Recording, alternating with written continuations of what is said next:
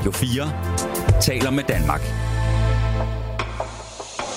Velkommen til Kranjebrud med Emma Holtet. Gnidningen og taschen, der har haft kontakten Jo, en TV raps og for at Askersatten Deutschland for graven Tvært skot, der var NWAMP Ivan Godt Her i dagens Kranjebrud, der bliver vi klogere på Danmarks helt store flygtningekrise. Og øh, den ligger tilbage i 2. verdenskrig. Derfor virker det måske lidt mærkeligt at starte den her fortælling med lyden af Hamburgs nutidige hiphop-scene. Men der er altså en mening med galskaben. Det her, det er en af mine yndlingsgrupper, Beginner med nummeret Svar Einmal.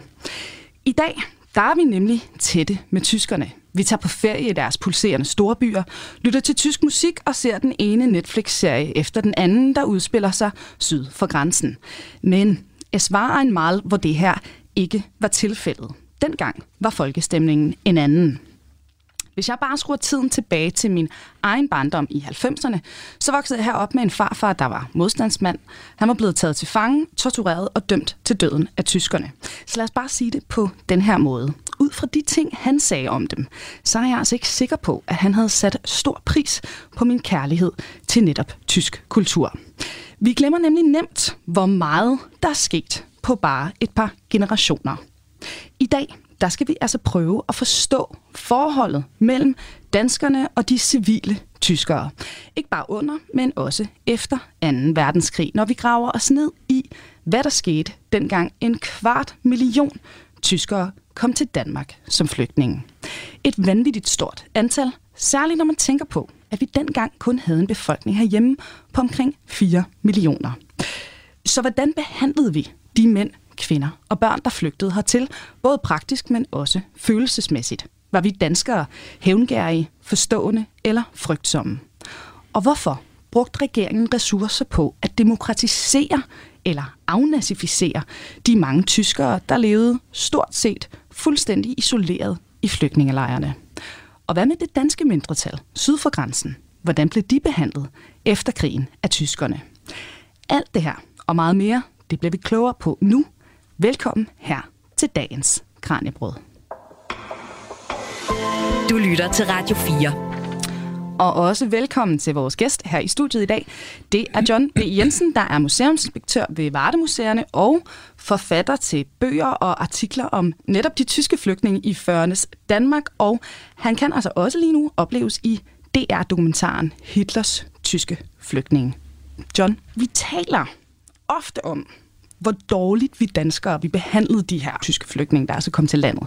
Det er i hvert fald sådan været et af de dominerende narrativer i den offentlige bevidsthed i de seneste år. Men, men er det her en rimelig udlægning? Altså, var vi hårde mod dem? Jamen altså, som du selv var inde på, så var der både frygt og, og, og mange ting omkring de her sådan, tyskere, som gjorde, at man, det var besættelsesmagten, de tilhørte. Så der var mange grunde til at tage forbehold for de her og derfor er der også en debat, da de kommer til landet, og også efter øh, Danmark er blevet befriet, hvor man diskuterer, skal vi nu øh, lade, os narre at, lade vi os narre af dem igen? Er vi torse gode nu igen, eller skal vi vise medmenneskelighed nu? Og det er en debat, der selvfølgelig kører mm. i, i Danmark, og, øh, og, og det er jo klart, altså man stod i en situation, hvor der var kommet øh, over 200.000 øh, af besættelsesmagtens folk til landet, og man øh, vidste lige til at starte med slet ikke, hvad man skulle stille op med, med regnlinje var, men man kunne sende dem hjem. Sådan går det ikke. Og der kan man sige, at i starten, der, der, der er man sådan lidt præget af, af chok. Mm. Og altså, hvornår er det egentlig, at de tyske flygtninge, de i første omgang kommer hertil, og hvor, hvorhen i Tyskland er det også, de kommer fra? Ja, altså de, de første dukker op sådan i, i begyndelsen af februar øh, 1945, altså i den aller sidste del af krigen. Og øh, de kommer fra områder primært, øh, altså områder, som vi i dag forbinder med, med Rusland og med Polen det er, dengang hed det Østpreussen. Østpreussen blev senere delt, så den nordlige del gik til Sovjetunionen, og den mm. sydlige til Polen. Og Østpreussen er et af de steder, hvor der kommer flest fra. Og vi er jo helt over i hjørnet af Østersøen, så det er slet ikke det, vi forbinder med Tyskland i dag, og derfor er der også en del, der sådan spørger, jamen, var det så overhovedet tyskere? Var det så ikke polakker eller, mm. eller russere? Men, men det var jo så fordi, at, at det var tysk dengang, og øh, de identificerede sig også som, som tyskere. Så derfor var det tyskere. Og øh, ja, så kommer de så også fra, fra det øh, område omkring Danzig og det, der hedder Vestpreussen, og, og til en vis grad Pommern. Så det er områder, som vi nærmest ikke regner for Tyskland i dag, som de kommer fra, og ikke som man kunne tro, når man hører det fra Flensborg eller fra, fra Lübeck eller sådan et sted. Og hvilken realitet er det, de bliver mødt af, når de så kommer til Danmark her, altså mens krigen den er mm. i, i gang? Ja. Jamen altså, øh, i den første tid, der er de jo en del af besættelsesmagten. Så der er mange, når man læser deres beretninger og, og forskelligt, man kan finde, øh, så øh, opfatter mange af dem jo det som den bedste tid. Fordi de var ikke interneret, de var ikke bag pigtråd. De øh, opholdt sig i, øh, på skoler, typisk i København. De kunne også være indkvarteret i nogle militærlejre, for eksempel i Oksbøl. Men så kunne de sådan set øh, gå rundt, og, og de fik lidt lommepenge og sådan noget. De kunne, og det skabte selvfølgelig nogle problemer øh, blandt danskerne, hvis, de, hvis tyskerne stod og skulle købe noget i butikkerne. Så, så kunne der godt, øh, det kan man se i de illegale blade, at der kunne opstå nogle skamysler, og så blev tyskerne så hængt ud for, hvis de havde truet med Gestapo, øh, hvis der havde været et eller andet ja. og sådan noget der, ikke? Og det blev, eller, eller deres soldater, det blev danskerne enormt fornærmet over, selvfølgelig. Ja. Og, altså, hvad var den øh, følelsesmæssige sådan, af virkelighed, for nu er du inde på, selvfølgelig så kunne der komme nogle uoverensstemmelser mellem danskerne ja. Og, ja. Og, og, og de tyske flygtninge, der jo altså ude blandt befolkningen ja. på det her tidspunkt, mm. mens øh, vi stadig er besatte. Men var danskerne sådan generelt vrede eller bange for dem? Altså, hvad, hvad har stemningen været? Jeg tror, de var begge dele. Ja. Altså, øh, de var nok ikke bange for den enkelte tysker. Øh, de virkede måske, altså civile, de virkede måske relativt hamløse, men, men de var jo bange for, kan man sige, maskineriet, hele, hele nazismen og værnemagten og alt det der, og, og det, der så hørte med. Mm. Så på den måde øh, var der øh, blandt noget angst i det, ikke? Altså, fordi hvad, hvad kunne det her føre til? Øh, og hvor længe kunne det her blive mm. ved? Man vidste godt, at krigen ville, at tyskerne ville tabe krigen på det her tidspunkt, men, men alligevel, hvor længe kunne det blive ved? Og, og det gør selvfølgelig, at der er et... Øh, alt andet end en, øh, en varm følelse over for dem. Altså, det er den kolde skulder, absolut. Og, øh, og man har svært ved at forstå, hvad, hvad skal det her? Mm. Øh. Og øh, hvis man ser på sådan den samlede periode, bare lige for at forstå det, øh, ind, altså inden vi, vi dykker ned i resten af, af fortællingen, hvor mange af tyskerne, både under, men også efter krigen, dør egentlig, altså som flygtninge i Danmark, ligesom som, som resultat af den måde, de bliver behandlet på her i landet? Ja, altså det er svært lige at sige som resultat af mm. den måde, de bliver behandlet på, men, men de tørre tal, kan man sige, mm. det er, at der dør 17.000, og der er 15.000 begravelser. Altså det vil sige, at der er et par tusind, som ikke er begravet ham, men som døde her. Så det, det, det er jo et relativt højt tal, faktisk. Mm. Og øhm, der kan man sige, øh, når vi kigger på, på tallene, så kan vi se, at det er den første tid, altså de første måneder, også mens besættelsesmagten er, er kan man sige, ved roret herhjemme mm. stadigvæk, det er der, de fleste dør. Og øh, det, det øh, går sådan lidt op og ned. Jeg har kigget på nogle tal ude på kirkegården i Oksbøl for at se på, hvordan er det egentlig. Og, og der kan man se, at altså, november måned er slem. Så kommer vinteren, 45-46, der, der har man også ret høje dødstal, og det er især blandt, blandt de helt små børn. Mm. Og så kan man så se, så fra foråret 46, så, så er det udlignet, så, så er, det, øh, så er børn, børnedødeligheden faktisk væk. Og der tror jeg, der er mange, der sådan har fået en, en øh, lidt forkert opfattelse af det, fordi de har hørt om det her med, at der var meget høj børnedødelighed, og så har fået en, en fornemmelse af, at den er der konstant. Altså, mm. den, der er en meget høj børnedødelighed fra starten, og den kører de næste fire år. Og det er ikke tilfældet. Altså, det, der er tilfældet, det er, at de, de første måneder, øh, ja, de første tre kvart år faktisk, der har man en overdødelighed blandt børn.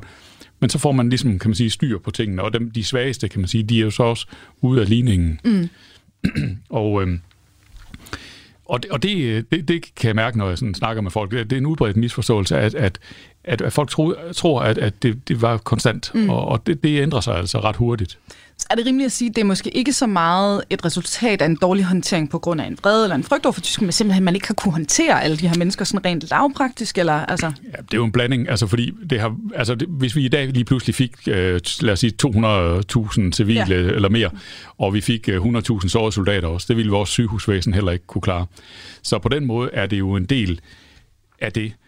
Samtidig med, så skal man også huske, at øh, der er jo kampagner i de illegale blade øh, mod danskere, der kunne finde på at vise medlidenhed mod de her. Så får de at vide, medlidenhed med tyskerne, det er landsforræderi. Mm. Og, og hvem vil være landsforræder på det her tidspunkt? Der mm. gælder det om at vise, at man er en god national dansker, for man ved godt, hvilken side af kridtstregen det gælder om at være på. Ikke?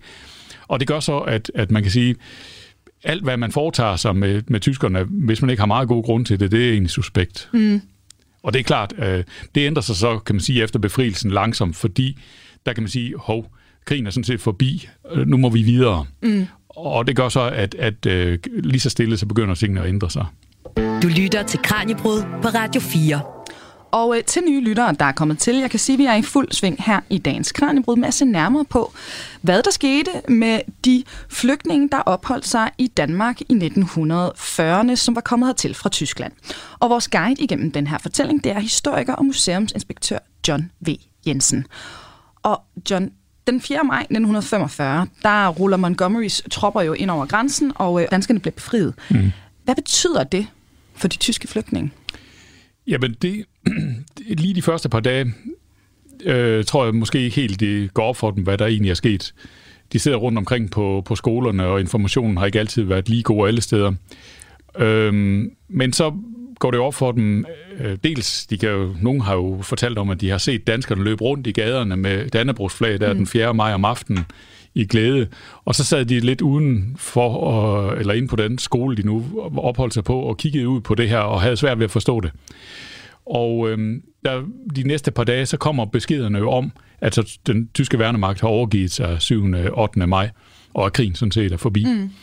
Og, øhm, og, det, og det, det, det er jo et hårdt slag for mange af dem. Vi synes jo, som danskere, så, så når vi har hørt den fortælling, så tænker vi jo, jamen det var godt, at, at Nazi-Tyskland var nedkæmpet.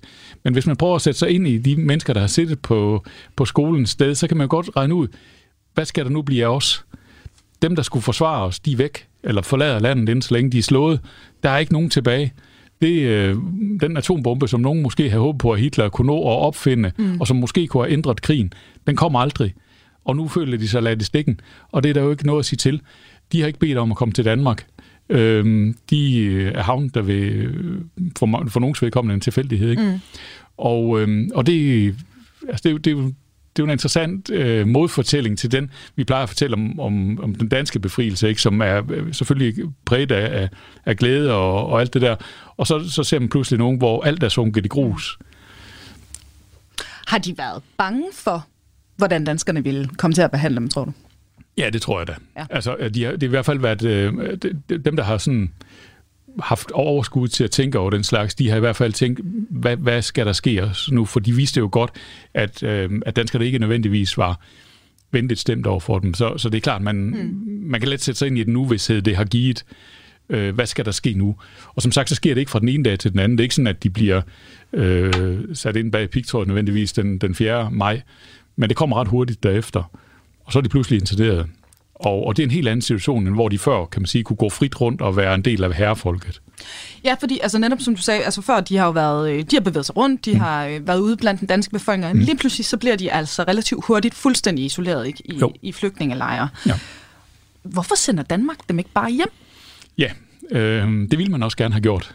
Altså man ville hellere gerne bare have, have sagt til englænderne, jo at øh, nu kommer alle soldaterne. Det mm. kender vi jo alle sammen øh, historien om, at, at øh, værnemagten marcherer ud af Jylland. Og øh, så, øh, så tror jeg egentlig, man fra den side havde forestillet sig lidt naivt, men havde forestillet sig, så sætter vi jo de her sådan, flygtninge efter de andre, og så må, så må dem nede i Tyskland ligesom ordne det. Ja. det, det, det de er jo kommet mod vores vilje, så hvad skal vi egentlig med dem? Og øh, der bliver de jo så hurtigt klar over, at øh, den går ikke. Og, øh, og der, der er der blandt andet den øverste befalende for britterne i Danmark, en der hedder General Dewing, han er ude i aviserne og siger, I skal lige vide, der er syge og såret mellem de her. I skal lige vide, der skal være et tag over hovedet til dem. I kan ikke bare sende dem hjem. Vi kan ikke bare tage imod dem. Og øh, det er jo fuldstændig rigtigt, når han siger det, fordi øh, situationen i, i Tyskland var mere kaotisk, mm. end den var i Danmark. Og, øh, og derfor så, øh, så måtte man acceptere, at, at øh, når britterne sagde sådan, så måtte man indtil videre lige afvente og så se, hvad der skete. Og det, som generalen ikke sagde direkte, men som han selvfølgelig havde i baghovedet, det var han jo udmærket var klar over, at de her mennesker, de kommer over fra den øh, sovjetiske besættelseszone. Så man skulle først have fundet ud af med Stalin, om han vil modtage mm. dem. Det siger man også på et tidspunkt. Vi vil ikke op, øh, absorbere de her i vores del, før vi har en afklaring med Stalin. Og øh, som vi jo så ved, så var de ikke velkomne de steder, de var flygtet fra længere, og derfor kom de aldrig nogensinde tilbage. Og på det her tidspunkt, er det rigtigt forstået, at der er cirka en kvart million tyskere i Danmark, altså her umiddelbart efter Ja, er det, det, det er, altså flygtningestrømmen er omkring, der er et tal, der hedder 244.000. Hvor Ja. nøjagtigt lige, lige præcis er, det tør jeg ikke helt sige. Lidt senere, når man kommer frem til 46, hvor man virkelig har tjek på tingene, og hvor russerne har sendt nogen mm. hjem og sådan noget, der er, det, der er tallet omkring de 200.000. Ja, så det svinger altså et sted mellem en kvart million og 200.000 mennesker, mm. der ligesom er i Danmark øh, i løbet af de her Ja. år. På det her tidspunkt, hvor krigen så er slut, og vi står mm. der, og vi, som du siger, vi kan ikke bare sende dem hjem. Samtidig har man så ikke lyst til, at de går rundt ude blandt befolkningen, så vi vil også have dem interneret i nogle lejre. Ja. Altså, der er jo kun 4 millioner indbyggere i Danmark. Mm. Vi er presset efter en øh, besættelse, sådan rent økonomisk og alle mulige andre ting, infrastruktursmæssigt også. Det er jo en vanvittig opgave, danskerne står overfor. Ja. Hvordan løfter regeringen den her øh, Ja, kæmpe opgave? Altså? altså som sagt, så, så håbede man jo også på, at man slap for at løse den, Ja. ved at sende problemet ud af landet. Men den gik ikke. Og øhm, så er man jo nødt til at, ligesom at finde ud af, hvad, hvad gør vi så? Fordi mm. man, det siger indrigsministeren, socialministeren også klart, det tidspunkt, hvor vi kan sende dem hjem på, det ligger ikke i vores hænder. Det ligger i de allieredes hænder. Og derfor så, øh, så må man afvente og se, hvad, hvad, hvad, hvad vil de øh, sige til os. Og, øh, og der begynder man så øh, sådan at, at, at kigge lidt på, hvad, altså til at starte med foretager man så egentlig ikke så meget, fordi man regner med, at det løser sig. Og den 24. juli 1945, der kommer britterne så endelig med det længe ventede svar. Men det er ikke positivt, sådan som man havde håbet på. Det er desværre, at de kommer til at blive vinteren over. Mm. Og så er det, at man fra dansk side godt kan se, jamen så, så kan vi ikke fortsætte på den her måde, fordi hvis vi, vi, havde, vi havde håbet på fra dansk side, at man kunne, øhm, at, at man kunne egentlig bare lige lukke øjnene, og så vente på, at der lige kom grønt lys, og så sende dem afsted, uden at gøre så meget. Mm. Man ville give dem noget mad selvfølgelig, men man ville ikke flytte en hel masse rundt på dem. Da den der besked så kommer, og, og man får det at vide med vinteren over, så kan man godt se, at nu er vi simpelthen nødt til at omprioritere fuldstændig. Vi er nødt til at, at omtænke det her fuldstændig. Vi er nødt til at opbygge en forsorg. Og det tager man så fat på, og man øh, forsøger sådan forskellige ting i løbet af august, uden det sådan har det store, den store succes. Og så øh, i 6. september 1945, der danner man så det, der hedder flygtningeadministrationen, og ansætter Johannes Kærbøl som øh, chef for den. Og der kan man sige, der, der kommer der ligesom en, en, øh, en ordentlig retning i det her, fordi han har nogle idéer om, hvad skal der ske med det her? Og det bliver blandt andet at samle dem i store lejre. Mm. Øhm, og der, når man kigger tilbage på det i dag, så kunne man godt lige ønske sig, at, at de var kommet til den erkendelse noget før. Men de prøver nogle forskellige løsninger af først, blandt andet i august måned, hvor man sådan har det mere decentralt. Øh, altså ansvaret for flygtningene. Og der kan man godt se, at der er stor forskel på, hvilke kommuner, der har mange flygtninge. Nogle har en stor byrde, og nogle har næsten ingen. Og det, der så bliver erkendelsen der i september, det er, at det her det skal løses centralt. Mm. Og det er så også den, øh, kan man sige, administration, der sidder helt til slutningen, og det er dem, der kan man sige, tager sig af problemet. Og det her med, altså på en eller anden måde havde det vel været nemmere at løfte den her opgave, hvis man ikke havde haft det her ønske om, at tyskerne ikke skulle blande sig med danskerne. Hvad er det, vi er så bange for? Hvorfor skal de isoleres inde i lejrene? Altså hvorfor skal vi holde dem Ja. fangetagen jo i virkeligheden? Er vi bange Ja. for, at de slår sig ned øh, hen ved grænsen, så vi får en stridighed dernede igen? Altså hvad er det for en frygt? Jamen, øh, altså, det er jo i første omgang, kan man sige, et af, et af målene med etableringen, det er jo, at når de nu alligevel skal hjem, så gælder det om at holde dem samlet, sådan at vi ikke får dem øh, spredt for meget i befolkningen. Mm. Det er den ene ting. Men jeg har også set steder, enkelte steder, hvor at det slipper ud i en tale, for eksempel af Kærbøl, at man har en mistanke om, at hvis man åbnede for interneringen, for man er godt klar over, at det er ikke super godt, rimer ikke rigtigt med det danske demokrati Ej. og den slags der. Og, øh, og, og der, der siger han på et tidspunkt, jeg kan ikke helt huske præcis formuleringen, det er noget i retning af, og vi ved jo godt, hvor de vil søge hen, og det er Sønderjylland. Så det er grænsen, man er bange for. Den er man bange for, at for man, man er bange for, at man pludselig får et meget stort tysk mindretal mm. dernede. Og det skal man, i dag har man sådan lidt, igen, det er så længe siden med genforeningen og alt det der, man har en tendens til sådan lige at trække lidt på smilebåndet, hvor alvorligt kan det være. Men på det tidspunkt er vi kun 25 år efter. Og øhm, de fleste voksne mennesker på det her tidspunkt, de kan jo huske genforeningen og hvad det betød og alt det der. Og, og der kan man sige, der, der har nok været en regulær frygt for, at man pludselig kunne stå i en situation, hvor at Sønderjylland så kunne blive mere tysk end dansk. Mm. Og så var man tilbage, hvor man var startet, og det var, det var noget, man var bange for simpelthen.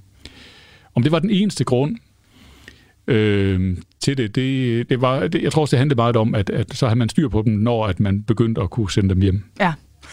Og, øh, og apropos det her, altså fordi lige om lidt, der skal vi se nærmere på et, øh, et særligt demokratiseringsprojekt, ja, nærmest afnazificeringsprojekt, kan man også kalde det, som danskerne de så rullet ud i forbindelse med, øh, med, med livet i de her tyske flygtningelejre. Men Inden da, øh, jeg synes lige, vi skal se, hvad der skete efter krigen syd for grænsen. Øh, fordi det var altså som sagt øh, bestemt ikke nemt at være tysk flygtning i Danmark, og øh, de måtte altså ikke forlade lejrene, blandt andet jo altså på grund af den her bekymring for, at de så ville slå sig ned i Sønderjylland og være med til at tippe balancen mellem danskere og, og tyskere i grænselandet. Men den her samme bekymring havde man faktisk også fra tysk side omkring de dansk sindede, der boede i det nordlige Tyskland. Umiddelbart efter 2. verdenskrig, der oplevede de danske skoler og institutioner nemlig et boom i interessen for dem. Som, simpelthen fordi de fik støtte fra Danmark, for eksempel skolebøger og andet materiale, og dermed var de bedre stillet end de tyske skoler, der manglede alt. Mogens Rostgaard Nissen er forskningsleder ved Center ved Dansk Centralbibliotek for Sydslesvig, og min kollega Kasper Fris var for ikke så længe siden på besøg på biblioteket i Flensborg for at blive klogere på netop den her del af historien.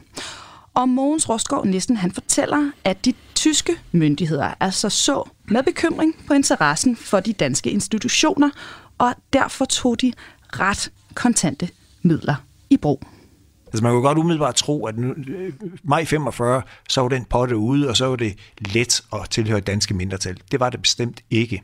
Og også vigtigt at huske, at øh, der fra slutningen af 40'erne op igennem 50'erne, der begynder tidligere øh, nazistiske myndigheder, embedsmænd osv., de kommer tilbage i deres kontorer. Også i Slesvig-Holsten især, men over hele Tyskland, altså også politikere, der bliver valgt ind øh, både på kommunalt niveau, men efterhånden også på delstatsniveau, altså parlamentet i, i, i Slesvig-Holsten, som var i Kiel, også med en nazistisk fortid. Så det vil sige, mange af de redskaber til at undertrykke det her mindretal, det danske mindretal i Sydslesvig, det var så gamle nazister, der kunne gøre det, og de kendte godt redskaberne fra 1930'erne med, hvordan det kunne gøres. Hvad er det for nogle redskaber? Jamen, det var i høj grad et spørgsmål om at prøve at presse øh, børnene ud af de danske skoler og få dem til at komme over i den tyske skole i stedet for. Og en vigtig, en interessant ting i det, det er, at Vesttyskland bliver etableret, øh, Forbundsrepubliken Tyskland bliver etableret i 1949 og får en meget fri forfatning, også med mindretalsrettigheder og beskyttelse. Men på lokalt niveau, der var man ikke rigtig gearet til at skulle være demokrati endnu. Så det vil sige, man, man bruger forskellige redskaber til netop især at presse, presse børnene ud af de danske skoler over i den tyske i høj grad ved hjælp af en gulderåd, altså ved at tilbyde de forældre, der havde børnene der, en sum penge, hvis sådan de, de valgte at, at omskole deres børn fra, fra dansk til tysk, men også ved at presse dem ud, øh, ved at fortælle forældrene, du skal være klar over, hvis det er sådan, du, du har dine børn i dansk skole, så kan de ikke få nogen læreplads bagefter. Der er ikke nogen, der vil have dem. Og også øh, spørgsmål om, at, at hvis det er sådan, du, du ved, bliver, bliver ved med at have dine børn i dansk skole, så kan du nok ikke lige regne med at få arbejde selv, og der især ikke inden for, for offentlig, øh, offentlig forvaltning osv. Eller hvis det sådan, også i forhold til håndværkere, hvis det sådan, du, du har dine børn i dansk skole, så kan du ikke rigtig få offentlig arbejde. Så det var sådan nogle, nogle skjulte trusler, og det, dem har I også i jeres arkiv, altså breve med skjulte trusler. Ja, det har vi. Og altså, øhm, egentlig både fra, fra myndighedernes side, den tyske myndigheders side fra, fra delstatsniveau, men især fra den danske mindretalsledelse side, er man interesseret i at få, få styr på det her. Og der bliver etableret et udvalg, et, på dansk man kalder kontaktudvalg, hvor der sidder repræsentanter fra den danske mindretalsledelse og fra de tyske myndigheder, og skal prøve at øh, hvad skal vi sige, at, at, at forholde sig til de her klager, der kommer. Så det vil sige, at vi har i arkivet rigtig mange sager fra mennesker tilhørende mindretallet, som føler sig dårligt behandlet eller chikaneret, eller måske ligefrem undertrykt af de tyske myndigheder.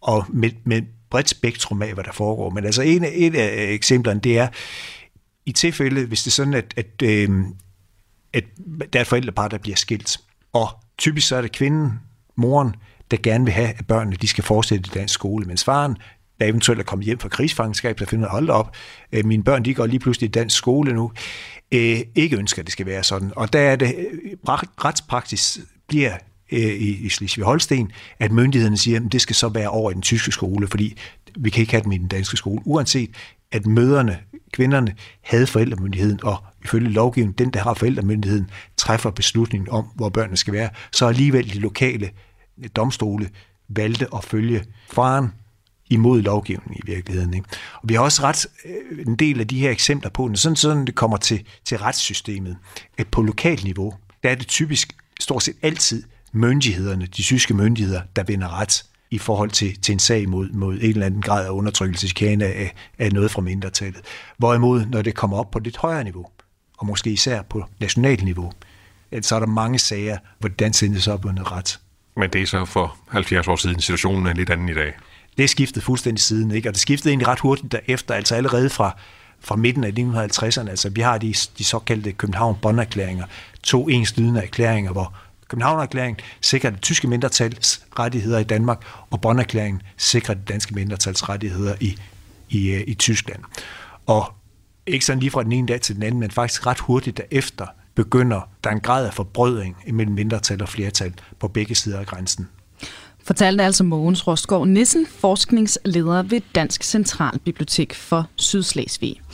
Ja, inden vi øh, starter det næste kapitel her i øh, programmet, John, er der noget, du lige vil knytte en kommentar til i forhold til det, Mogens han fortæller her? Jamen, jeg synes, det var, det var meget spændende at høre. Det er en, en side af sagen, som jeg øh, kender mindre til. Øhm, og man kan sige, øh, problemet i Danmark, i den tid, jeg beskæftiger mig med, den, det er, der har danskerne i virkeligheden meget lidt at gøre med, med de her flygtninge, fordi de lever bag pigtråd. Mm. Jeg har mødt en del tyskere, som jeg har snakket med, som har boet i lejrene, som siger, jamen vi så nærmest aldrig en dansker. Nej. Nogle siger, vi så aldrig en dansker. så den der interaktion mellem befolkningen, den, øh, øh, den, den er helt anderledes. Og øh, det er også, altså man kan sige, det har også gjort, tror jeg nok, at når man snakker om det her, så har vi jo den brede befolkning på en side, som havde en masse meninger om, hvad der foregik, øh, og hvordan de her tyskere skulle behandles, og det var ikke altid lige pænt. Og så har vi, kan man sige, de fagfolk, de embedsfolk, der er sat til at løse det her problem. Og de har på det tidspunkt i hvert fald en dybere indsigt i, en, i tingene af god grund, ja. end, end øh, den brede befolkning, som egentlig ikke har noget med det her at gøre, men måske alligevel har en eller anden mening om det. Og, øh, og det, der tror jeg nok, at nogle gange så er det den brede befolknings opfattelse af det her, som ligesom er blevet den, der er blevet fortællingen, hvor at øh, den anden embedsmands fortællingen er måske druknet lidt øh, i det, som er mere sådan savlige, mere sådan øh, øh, ikke så følelsesstyret, mere kan man sige fornuftsbaseret, kunne man måske sige. Og det tror jeg, vi skal være glade for, at den var. Ja, ja vel, altså, øh, også, tyskerne skal vel også på det her tidspunkt være glade for, at det netop ikke er folkestemningen, ja, der, der, der styrer behandlingen af dem, ikke? Præcis. Altså, ja. der, der, man har brug for nogen, der, der kunne være kølige i mm. den her situation, øh, og som havde, kan man sige, øh, en eller anden form for øh, mulighed for at kunne øh, lægge bånd på deres følelser, og skulle lægge bånd på deres følelser, ikke? Og øh, ja, det, det. Altså, noget af det, som jeg... Altså, jeg har set mange forskellige ting i tidsløb af, af kilder og, og kronikker og breve og, og så videre. Og der er en, en kronik fra øh, september 45, tror jeg, af en, øh, en der hedder Finn Friis, som var, havde været med i Folkenes Forbund som repræsentant for Danmark. Og han ser det meget øh, tidligt, meget klart også. Mm. Han er ikke selv en del af, af dem, der skal løse flygtningeproblemet, men han, øh, han, han opfatter det meget hurtigt som, at det er Danmarks krigsindsats, det her. Ja. Altså, at øh, danskerne må, må vente sig til den tanke, at vi er sluppet meget billigt igennem krigen, og det her, det bliver vores indsats. Og øh, det, øh, det tog lidt tid, tror jeg, for at, at, at, at dem, der sådan øh, læste om det i aviserne, synes, at det var verdens bedste idé. Ikke? Men, men i dag, øh, må man sige, der så han ret klart. Du lytter til Radio 4. Og til dig, der er kommet til undervejs her i udsendelsen i dag, der har jeg besøg af historiker og museumsinspektør John V. Jensen. Og vi graver os altså ned i historien om de 200-250.000 tyske flygtninge, der opholdt sig her i landet i 1940'erne. Og, og John, udover at sørge for de sådan basale nødvendigheder, så iværksætter regeringen altså også det, man kan kalde et slags demokratiseringsprojekt, øh, eller øh, altså simpelthen, at tyskerne sådan skal afnazificeres. Hvordan foregår det her i praksis ude i, i lejrene? Jamen det, øh, det, det foregår på flere forskellige niveauer. fordi øh, det begynder, i hvert fald i, i skolerne, øh, det begynder med, at man skal have fundet ud af, man skal have børnene i skole, og man skal bruge nogle lærere. Der er ikke danske lærere nok, slet ikke danske lærere, der kan tysk. Så man er nødt til at begynde at kigge i lejrene, hvem har vi blandt de her flygtninge, som er læreruddannet. Og så finder man så ud af, hvor mange det drejer sig om, og så kan man godt se, at det er også alt for lidt. Så begynder man så at spørge, og det er så primært, fordi der var et enormt øh, overskud af kvinder der, så begynder man at spørge nogle af de unge kvinder, er der nogen af jer, der kunne have interesse i, eller de henvender sig måske selv, i at undervise. Og så øh, laver man sådan små, øh, kan man sige, kortere uddannelser til dem, og så øh, kan de så bruges som lærere. Og for at de kunne blive lærere, der var man jo godt klar over, at øh, det går jo ikke, at, at vi øh, sætter en nazist til at, at undervise dem. Det, det kan vi ikke tillade. Så derfor så øh, laver man nogle tiltag. Hvis man, skulle, øh, hvis man ansøgte om at blive lærer, mm. så skulle man øh, have en, til en samtale. Og det går meget ud af fra den side, at det er en samtale og ikke et forhør. Altså ikke noget med arkitektlampen i hovedet, og, og så skal man øh, afkræve svar. Nej, det, det er sådan lidt mere grundvisk, så det bliver sådan en samtale, det er vigtigt. Og hvordan, hvad samtaler man så om? Jamen der har de øh, nogle spørgsmål, de her øh, to folk, det er en lærer og en politimand. De skal så snakke med de her aspiranter, eller de her lærere, som gerne vil undervise. Og så sidder de så og snakker, og så var der måske 50 spørgsmål, de så kunne sidde og variere over. Og der står i papirerne, at de må ikke bare starte med 1, 2, 3, 4. De skal altid blande dem. Mm. Og så bliver det sådan noget med, hvad, hvorfor, hvorfor skal man have en fri presse? Hvorfor er det vigtigt? Og så skulle de så sidde og redegøre for, hvorfor at, at en fri presse var, var en god ting. Hvad mener de om Goebbels? Hvad mener de om, man var meget høflig den gang, hvad mener de om, og det var selvfølgelig på tysk også, ja.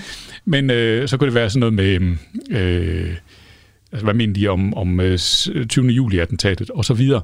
Og det, der var med det, i stedet for at spørge dem, hvor mange afsnit var der øh, af Matador, for eksempel, ja. øhm, så, så fik man jo nogle spørgsmål, hvor de var nødt til at komme ud, og, og så på den måde sådan ligesom fortælle noget om deres verdenssyn. Og det var det, de kiggede efter, når de havde de her samtaler. Mm. Så, så skulle de have fundet ud af, hvad, hvor er de henne i det her? Har de forstået, at krigen er forbi? Har de forstået, at nazismen var en blindgyde? Eller har de ikke? Og, øh, og det, øh, det skriver en, der hedder Claus Molt, som var en af de lærere, der sad med ved bordet ved samtalerne. Han siger, at han var ret sikker på, at i langt, langt de fleste tilfælde, når de har haft den her samtale, så kunne han også sige, hvem de kunne bruge, og hvem de ikke kunne bruge. Og jeg har også fundet, øh, kan man sige, de laver sådan nogle små skudsmål på dem. Og så kan man se, så det er jo ganske kort, så har de vurderet efter samtalen, så kan der stå øh, total overbevist nazist, kan ikke bruges. Okay. Så kan der også stå antinazist, så var man god nok. Mm. Så kan der stå, øh, har ikke rigtig forstået noget som helst, altså har ikke rigtig forstået, hvad det her det egentlig handler om. Øh, ikke, ikke egnet. Og så kunne der måske også være nogen, altså helt afgjort nazist, men er på bedre tanker. Så kunne man godt komme i spil, okay. ikke?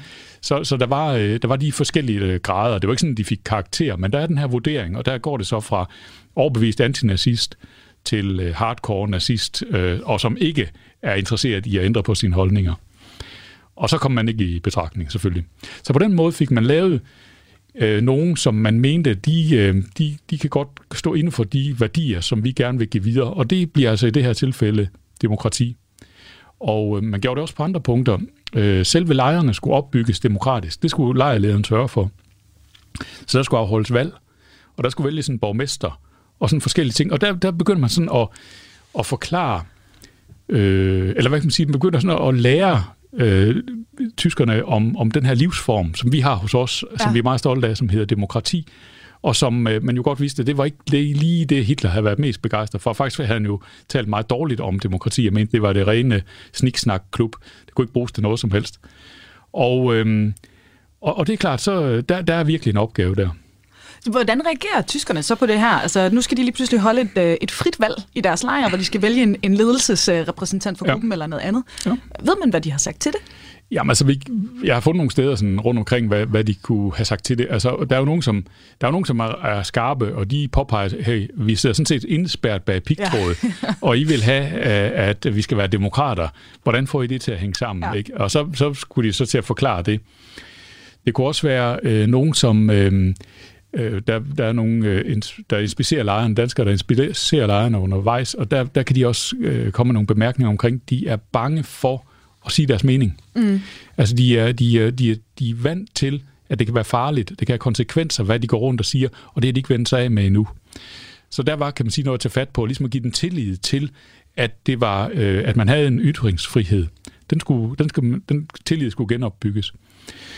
Øh, og der kan være andre sådan øh, forskellige ting, hvor de, de reagerede øh, negativt på det. Der var også nogle, altså var diskussionen også, der var nogen, der så... Øh, vi har jo hemmelige afstemninger, mm. øh, når vi har valg. Og øh, så er der nogen, der siger, jamen hvis det er demokrati, og vi snakker om åbenhed, så skal vi da have åbne afstemninger. Og der får de så at vide, nej, det der med åbne afstemninger, det er ikke så god en idé, fordi så er det jo, at, at man kan sige, at man kan kontrollere, hvem, er, hvem stemmer på hvad, og hvem har vi hvor. Så der får de så at vide, men det, det, det kan godt være, at du synes, det skal være åbent, men det skal det altså ikke. Og, altså, i, en ting er jo selvfølgelig, at øh, vi, vi ser det her som vores krigsindsats i Danmark. Mm. Som mm. sagt, vi slap rigtig billigt i forhold til vores nabolande, eller mange af vores nabolande i hvert fald, ja. igennem en verdenskrig. Ikke? Mm. Øh, vi kunne jo godt bare sige, at vi giver dem tag over hovedet, vi giver dem noget mad, vi sørger for basal medicin, hvad vi nu kan her i den her krigsperiode, eller efterkrigstidsperiode. Ja. Hvorfor kaste så mange ressourcer efter, at det er jo altså en brøkdel af befolkningen i, i, i Tyskland, er jo mange, mange millioner mm. syd for mm. grænsen, ikke? Altså, tror du, at det var et, øh, et sådan idealistisk projekt? Var vi bange for, at de skulle blive antidemokratiske igen? Altså, hvor, hvad, hvad har drevet det? Jamen, der, der var en god del af idealisme i det. Øh, man har jo også en avis, øh, som er skrevet af eksil-tyskere, og de er meget idealistiske mm. øh, demokrater. Øh, øh, flere af dem er i hvert fald. Og de prædiker også øh, demokrati, og de har jo alle tider chancer, fordi den eneste avis, der er, der kan man også sige, at vi er jo vant til, at der er flere aviser, man kan vælge mellem, hvis man, hvis man ikke er enig med den ene, så kan man måske være det med den anden. Men der er kun en avis her, og det gør jo så, at de er nødt til at holde tungen ret lige i munden med deres demokratiske idealisme, mm. fordi at de øhm, godt er klar over, at jamen, de, de, de har ikke noget alternativ, så vi er nødt til hele tiden at køre den åbne stil. Og dem, der skriver den avis, og dem, der sidder på redaktionen, det er tyske socialdemokrater, og det er tyske kommunister. Altså sådan nogle, der var flygtet fra Hitler i 30'erne, og så måske kommet en tur til Sverige, efter de har været i Danmark. Så er de så kommet tilbage til Danmark. Og de kommer til at spille en, øh, en vigtig rolle, kan man sige, i den her øh, genopdragelse af tyskerne, og, og, og går meget sådan demokratisk til værks, og i... Øh, øh, det bliver Socialdemokraterne, som får, kan man sige, den tungeste del, særligt når vi kommer længere frem, og, og det kommer til at trække mod det vesttyske. Mm. Men i starten er det meget åbent. I starten, det kan man se, 45 fortæller de om, oha, altså vi, vi havde jo store øh, stunde 0, kan man sige, ikke? Altså, hvor, hvor alt er smadret. Og nu der, så skriver de om, der er gode aftaler mellem Rusland og England og Amerika, og, og masse gode nyheder. Og det kunne næsten heller ikke blive værre.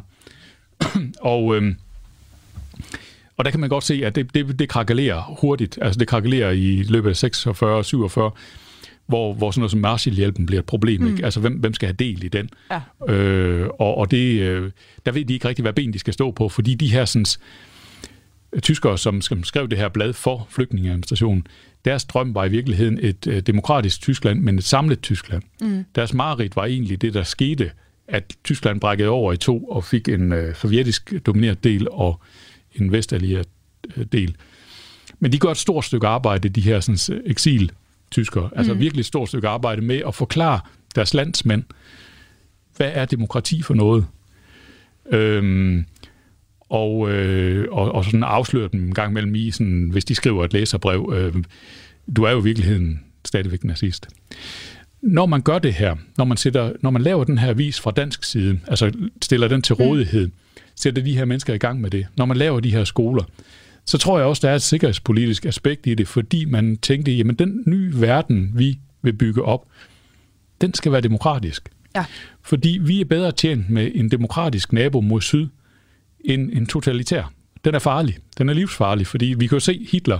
Mm. Ikke? Han kunne forføre hele befolkningen og få dem til at, at lave de mest forfærdelige ting. Hvis vi får et demokrati, så får vi en bremse på det. Så får vi mere stabilt, øh, en mere stabil nabo i syd.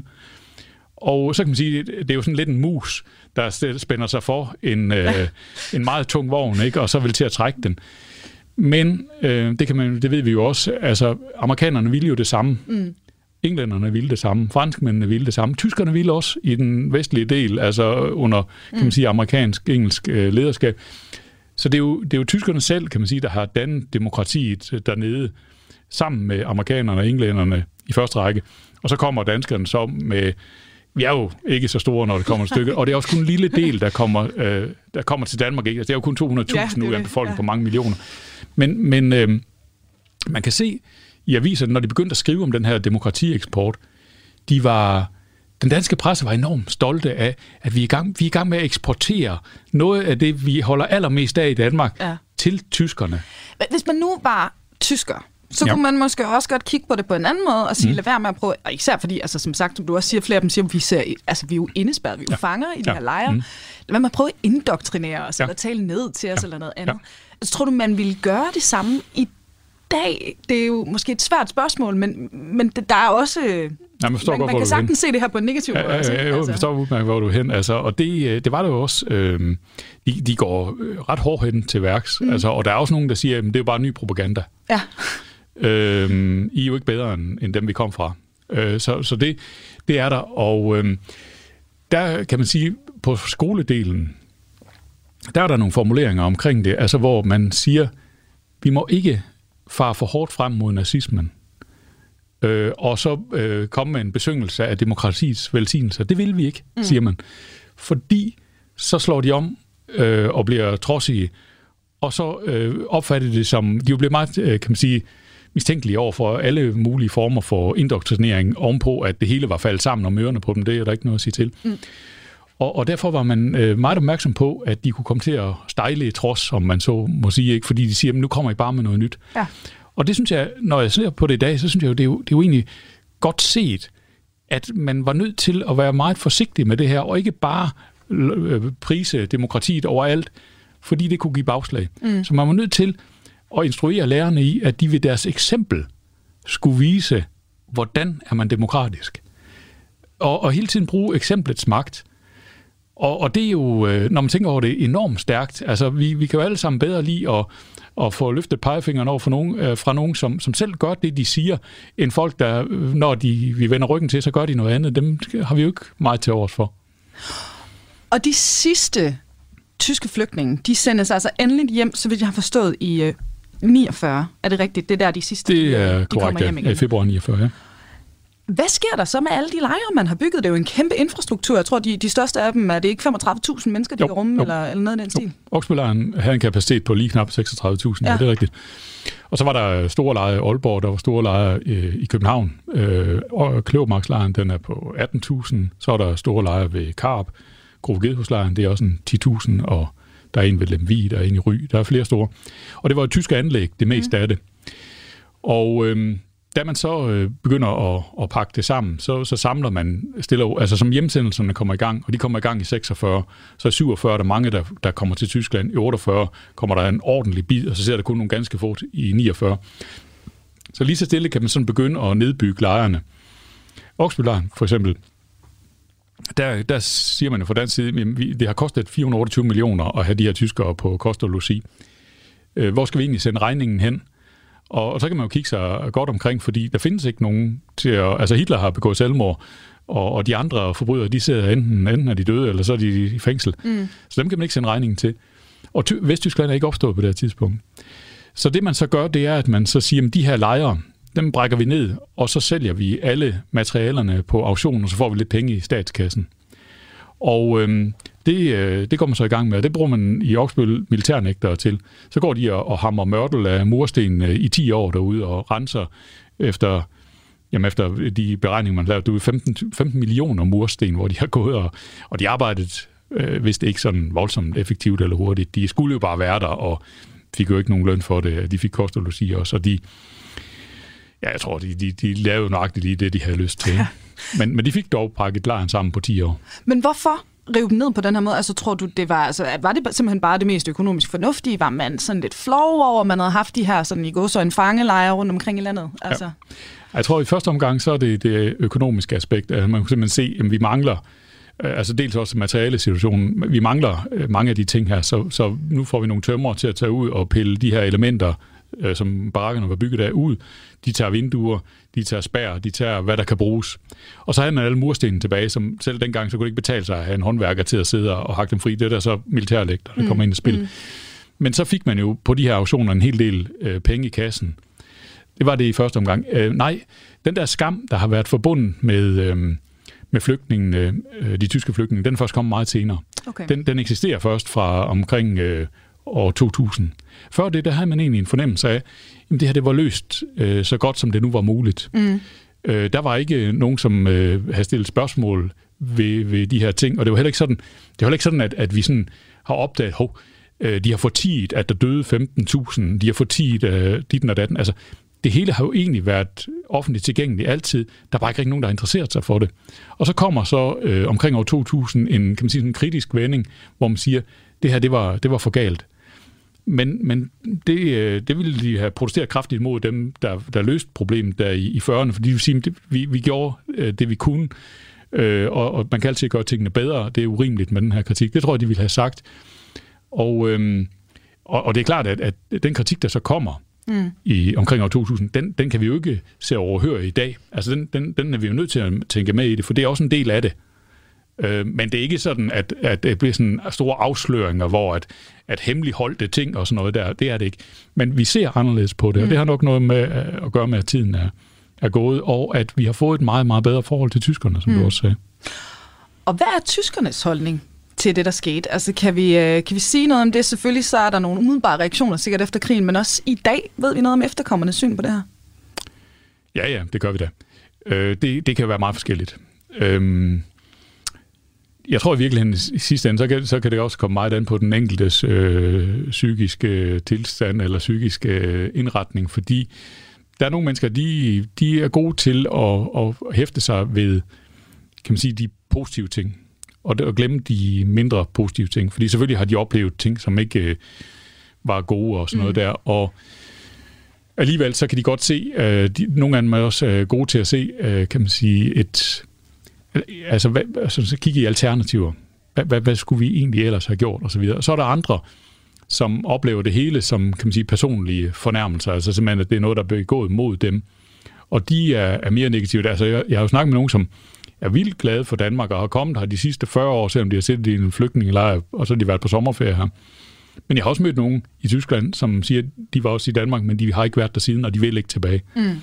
Og øhm, det er jo givet, at når du har så stor en gruppe på et par hundredtusind, så vil du have nogen, som har fået den opfattelse, at der skete noget deroppe, som, som har øh, gjort, at mit syn på Danmark er blevet ødelagt for altid. Så er der andre, som kommer op i en moden alder og opdager, hov, de er jo egentlig, det er jo egentlig, øh, jeg forstår det pludselig bedre nu. Mm. Og så er der nogen, som, som hele vejen igennem har sagt, men det er jo ikke, det er jo ikke danskerne som sådan, der har været ude efter mig eller noget.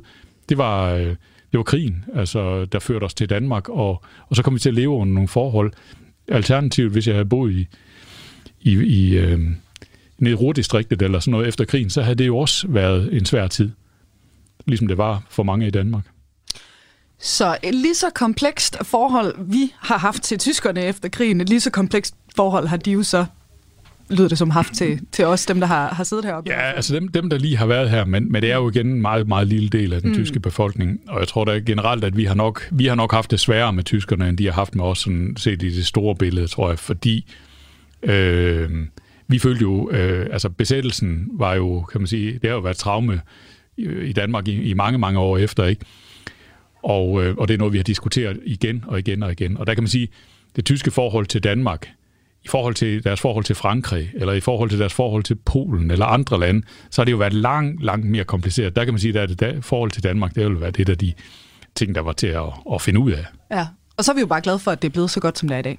Ja, det er godt, og det er jo, kan man sige, det var der en, en tysk lærer i 1964, der skrev en artikel om, fortalte det til den danske presse, at det tyske demokrati det blev skabt i Danmark. Og der mener jeg jo nok, at, at, at han, han tog måske munden lidt for fuld, da han sagde det, men, men, øh, men det var selvfølgelig noget, danskerne elskede at høre. Ikke? Altså, ja. Det var fantastisk. Det er så godt til danskernes sådan, storhedsvandvid, vi har nogle gange. Ja, ja, ja. ja. Forsvindende det, lille land, ikke? Og, og, og man blev, de blev pavestolte over, at han kunne finde på at sige sådan noget. At det så, øh, som jeg også var inde på, øh, i sidste ende må være tyskerne selv, der har vildt demokratiet, hjulpet af amerikanerne og englænderne i anden række. Det er så noget andet. Men, men vi var med på den samme vogn, kan man sige. Vi ville det samme. Og det er de øh, perfekte ord at slutte af på her i dagens program. Det er altså historiker og museumsinspektør John V. Jensen, der har gjort os klogere på den her historie i dag. John, tusind tak, fordi du vil være med. Velkommen. Og øh, hvis du nu vil vide mere om øh, fortællingen her, jamen, så har John altså øh, forfattet flere bøger og artikler om emnet, så der er masser at grave sig ned i der. Og du kan desuden også finde flere afsnit af Kranjebrud om besættelsestiden. Her skal du som altid bare gå på opdagelse i programarkivet på vores hjemmeside eller i din podcast-app. Nu er der ikke andet tilbage end at sige farvel. Mit navn det er Emma Elisabeth Holtet. Kranjebrød er produceret af Videnslyd for Radio 4. Og hæng på derude, for nu er det blevet tid til nyhederne.